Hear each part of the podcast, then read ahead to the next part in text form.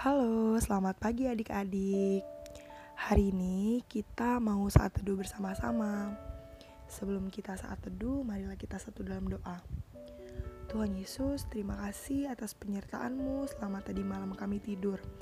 Pada hari ini, sebelum kami mulai aktivitas kami, kami akan merenungkan sedikit daripada firman-Mu. Kiranya Tuhan Yesus pakai kami, hati pikiran kami agar pagi ini bisa fokus mendengarkan firman-Mu. Terima kasih Tuhan. Dalam nama Tuhan Yesus kami berdoa dan mengucap syukur. Haleluya. Amin. Adik-adik, hari ini kita mau belajar dari Roma 7 ayat 1 sampai 6. Bacaan Alkitab kita hari ini dari Roma 7 ayat 1 sampai 6 yang menyatakan demikian. Apakah kamu tidak tahu saudara-saudara sebab aku berbicara kepada mereka yang mengetahui hukum, bahwa hukum berkuasa atas seorang selama orang itu hidup. Sebab seorang istri terikat oleh hukum kepada suaminya selama suaminya itu hidup. Akan tetapi apabila suaminya itu mati, bebaslah ia dari hukum yang mengikatnya kepada suaminya itu. Jadi selama suaminya hidup, ia dianggap berzina kalau ia menjadi istri laki-laki lain, tetapi jika suaminya telah mati, ia bebas dari hukum, sehingga ia bukanlah berzina. Kalau ia menjadi istri laki-laki lain, sebab itu, saudara-saudaraku, kamu juga telah mati bagi hukum Taurat oleh tubuh Kristus, supaya kamu menjadi milik orang lain, yaitu milik Dia yang telah dibangkitkan dari antara orang mati, agar kita berbuah bagi Allah. Sebab waktu kita masih hidup di dalam daging, hawa nafsu dosa yang dirangsang oleh hukum Taurat bekerja dalam anggota-anggota tubuh kita agar kita berbuat berbagi maut. Tetapi sekarang kita telah dibebaskan dari hukum Taurat sebab kita telah mati bagi Dia yang mengurung kita. Sehingga kita sekarang melayani dalam keadaan baru menurut roh dan bukan dalam keadaan lama menurut hukum Taurat. Nah, adik-adik, hari ini judul firman Tuhan yang mau kita baca itu adalah putus untuk kebaikan. Nah, adik-adik sebagai teruna, kita pasti butuh yang namanya pergaulan ya adik-adik ya.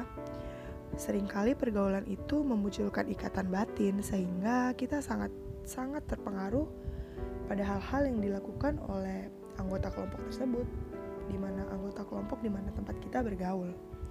Nah, hal ini disebut sebagai konformitas atau penyesuaian diri dengan kelompok. Nah, tentunya kita cenderung akan milih teman-teman itu berdasarkan kecocokan dalam banyak hal ya adik-adik ya. Dalam kenyamanan juga, untuk bisa bersama-sama dan lain-lain. Nah, hal ini wajar asalkan kita jangan lupa mempertimbangkan dengan krisis apakah hal-hal yang dikatakan dan dilakukan dalam pertemanan itu baik pantas ataupun benar. Hal ini perlu banget loh adik-adik dipertimbangkan sebab pergaulan itu akan sangat memengaruhi kebiasaan dan karakter kita. Nah adik-adik, jika lingkungan pergaulan kita itu mengarahkan kita kepada keburukan, kita jangan sampai terikut arus loh ya. Sebaliknya, kita harus menegur teman-teman kita, memberi masukan, dan bahkan menjadi teladan buat mereka. Namun kadangkala kita nggak selalu mampu melakukan itu. Kita kadang-kadang nggak mampu karena malu atau karena banyak hal ya adik-adik. Tapi jika demikian ya apa yang harus kita lakukan?